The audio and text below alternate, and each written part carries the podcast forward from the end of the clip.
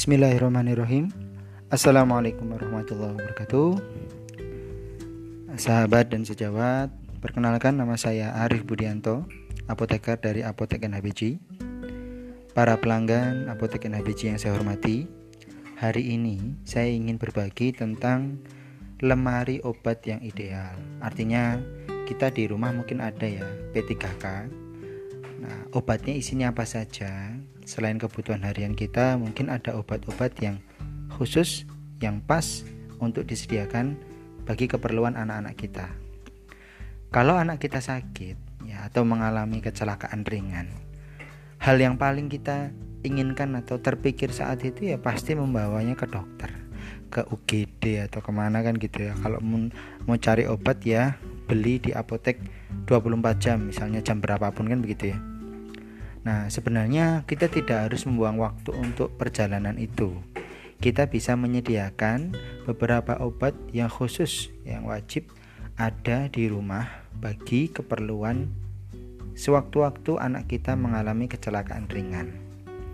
Ya saran saya kita punya ya mungkin toples saja tidak usah terlalu apa namanya yang repot bagaimana toples saja sediakan toples. Toples itu diisi obat-obatan yang biasa kita pakai.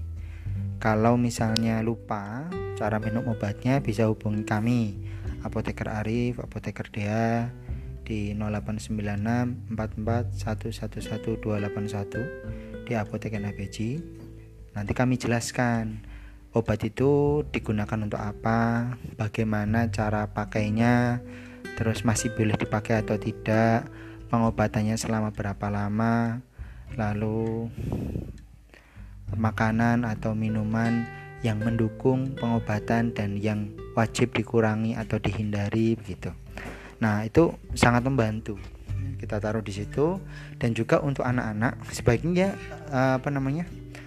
Toples itu nanti anu ya, tertutup rapat dan jauh dari jangkauan anak-anak. Jangan sampai nanti dibuat mainan kayak anakku itu diceplik gitu. Akhirnya kan nggak bisa dipakai. Harus jauh dari jangkauan anak-anak. Dan ini bisa membantu ketika kita memerlukan waktu khusus buru-buru tanpa kita harus karena gini kalau bawaannya buru-buru kita naik motor mobil atau apa malah jadi berbahaya kan karena kita buru-buru. Jadi kita tetap wajib ada obat-obat khusus yang kita sediakan di rumah gitu ya. Apa saja yang harus punya? Ini ada 7 8 eh, maaf. Ada 8 barang yang wajib punya ketika uh, bapak dan ibu para pelanggan apotek NABC punya anak kecil. Yang pertama itu adalah paracetamol dan ibuprofen. Paracetamol macam-macam sih mereknya itu ada yang juga 120 mg, ada yang 60 mg, ada 160 mg, ada 250 mg, banyak sekali dosisnya.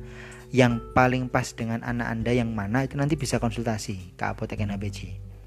Terus bisa digunakan paracetamol itu untuk pereda nyeri dan khususnya ini sebenarnya untuk para pereda demam. Kalau pereda nyeri boleh pakai ibuprofen.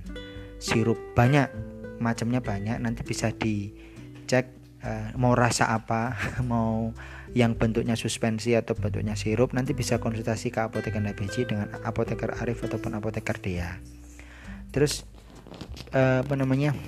Untuk obat yang kedua adalah obat anti alergi. Nah ini sering kali kan anak kita pasti aktivitas di mana lah mungkin habis main di semak belukar apa gatal-gatal itu sangat mungkin terjadi. Jadi perlu ada obat antihistamin atau anti alergi. Ya, antihistamin atau alergi. Reaksi-reaksi alergi itu sebenarnya reaksi-reaksi hipersensitif. Reaksi kekebalan tubuh kita yang agak lebay merespon alergen yang datang tidak apa-apa nggak masalah itu. Cuma bagaimana ketika kita tidak merasa panik oh ada alergi nih sudah. Diberi bisa sirup bisa tablet bisa krim ya untuk mengatasi alergi atau antihistamin.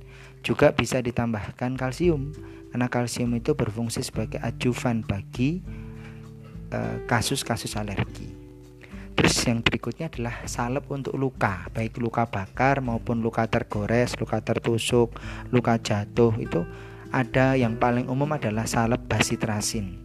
ada bentuk serbuk ada bentuk krim ada bentuk salep nanti bisa ngobrol ke apotek NABC obatnya yang pas untuk anda yang bagaimana lalu tetes hidung berisi air garam kalau kami ada ya pada beberapa merek ya yang kalau kami pakainya Briti apa ya Nah, itu bisa dipakai untuk menghilangkan hidung tersumbat. Jadi atau juga bisa pakai ini minyak kayu putih di mas diteteskan di tangas air yang panas gitu nanti kan aromaterapinya itu akan menyebar di sekitar ruangan termasuk juga eh, teman-teman para pelanggan apotek NABC bisa menyediakan bawang merah ya itu kan antivirus Anda potong-potong Anda sediakan di samping bayi Anda itu akan membantu menghilangkan virus di sekitar bayi Anda terus Berikutnya adalah lotion kalamin atau krim hidrokortison.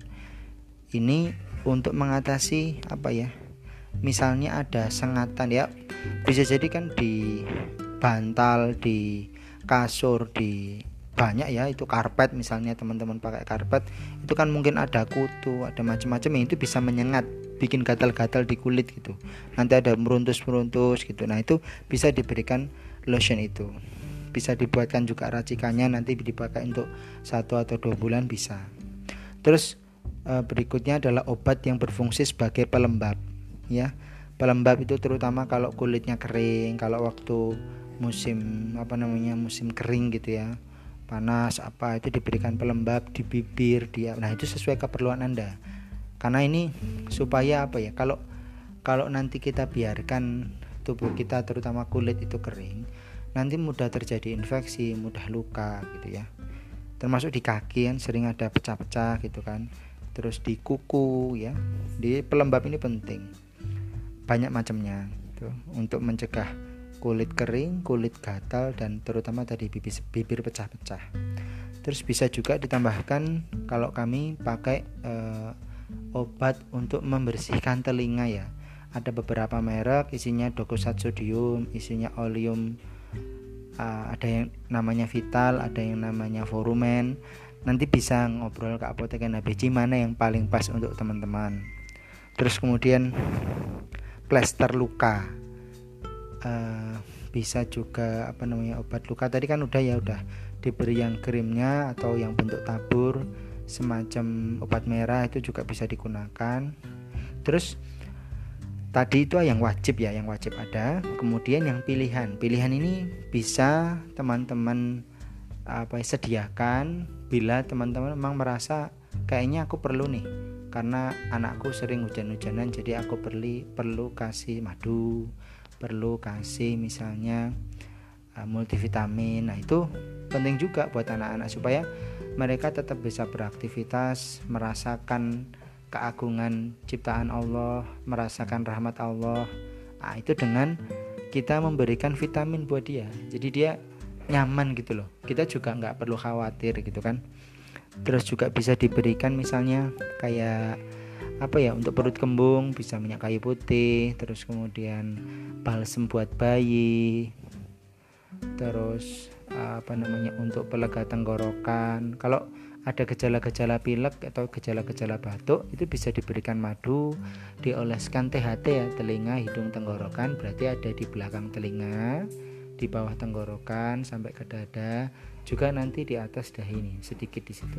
Tidak boleh di bawah hidung ya tidak boleh di bawah lubang hidung. Terus kemudian uh, tadi bisa ditambahkan dengan misalnya anda teteskan atau apa minyak kayu putih di air panas nanti air panasnya diwadahin di mangkok. Terus anda teteskan beberapa tetes minyak kayu putih atau minyak kapak nanti kan akan menyebar gitu kan. Suasana ini jadi lebih seger jadi lebih ya jadi lebih nyaman lah. Terus kemudian aromaterapi kan. Ada bawang di situ anda rajang bawang merah letakkan di samping bayi anda itu insya Allah akan membantu misalnya bayi mengalami pilek-pilek. Juga tidak perlu anu ya tidak perlu ragu-ragu kalau anak saya pilek itu bayi tidak saya kasih obat. Jujur saja anak pilek tidak kasih tidak saya kasih obat. Bayi itu ya saya susrup gitu. Tuhan kadang-kadang ketelan juga. Tapi ya apa namanya? Ya begitu. Coba saja gitu ya. Insya Allah lebih alami lebih baik tidak harus tergantung pada obat. Kemudian uh, gel untuk yang memar misalnya. Namanya anak-anak lari gitu ya tiba-tiba nabrak tembok nabrak apa kan bisa ya jatuh apa itu memar kan ada itu ada sa beberapa salep yang digunakan buat memar gitu krim. Itu bisa disimpan digunakan jangka panjang jadi tidak perlu khawatir misalnya ED atau apa gitu itu bisa disimpan lama. Nah nanti bisa konsultasi di apotek NHBC terus juga sirup-sirup untuk me, apa namanya meningkatkan daya tahan tubuh. Misalnya tadi nggak pakai madu ya karena nggak doyan madu. Atau gini madu kan sebenarnya juga digunakan untuk anak-anak di atas satu tahun ya. Kalau anak-anak di bawah satu tahun atau di atas enam bulan boleh tapi sedikit. Kalau di bawah enam bulan sebaiknya tidak karena memang ada resiko bakteri Clostridium botulinum yang akan menyebabkan gangguan di pencernaan bayi. Biasanya nanti efeknya sembelit ya. Jadi kalau minum madu terlalu banyak bagi anak di bawah satu tahun itu gejala utama pertama itu sembelit. Nah jadi kita perlu hati-hati oke itu beberapa hal ini bisa diputar lagi ter lagi sambil dicatat-catat begitu nggih kalau informasi lebih banyak ngobrol bisa nanti ke apotek NHBC dengan apoteker Arif ataupun apoteker Dea di 0896 44 111 281 Alhamdulillahirrahmanirrahim. Terima kasih. Assalamualaikum warahmatullahi wabarakatuh.